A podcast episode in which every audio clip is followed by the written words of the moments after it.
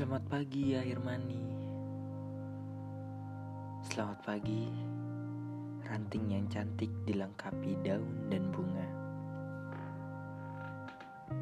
Dan Selamat pagi untuk ranting yang sudah gugur akan kata Tetapi selalu kuat akan tindakan. Seperti biasa Akan melewati macetnya menuju kerja. Seperti biasa, akan bertahan akan tekanan. Seperti biasa, memakan lauk yang itu-itu saja. Dan seperti biasa, setiap perkataan bohong maupun akan diterima dengan sama.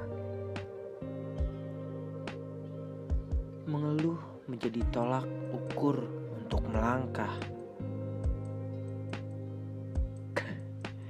Karena merasa kuat, itu bukan definisi kebahagiaan sebenarnya.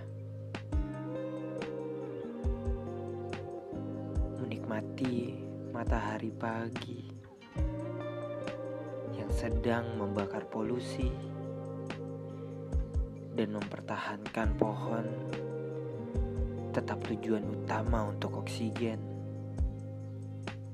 Menikmati perjalanan, menikmati tekanan,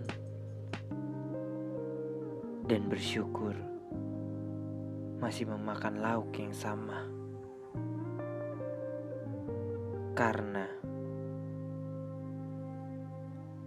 sejatinya ialah yang ingin mendapatkan kebahagiaan. Harus bisa menghargai kekurangan diri maupun kelebihan diri. Menurutku, itulah definisi kebahagiaan sebenarnya.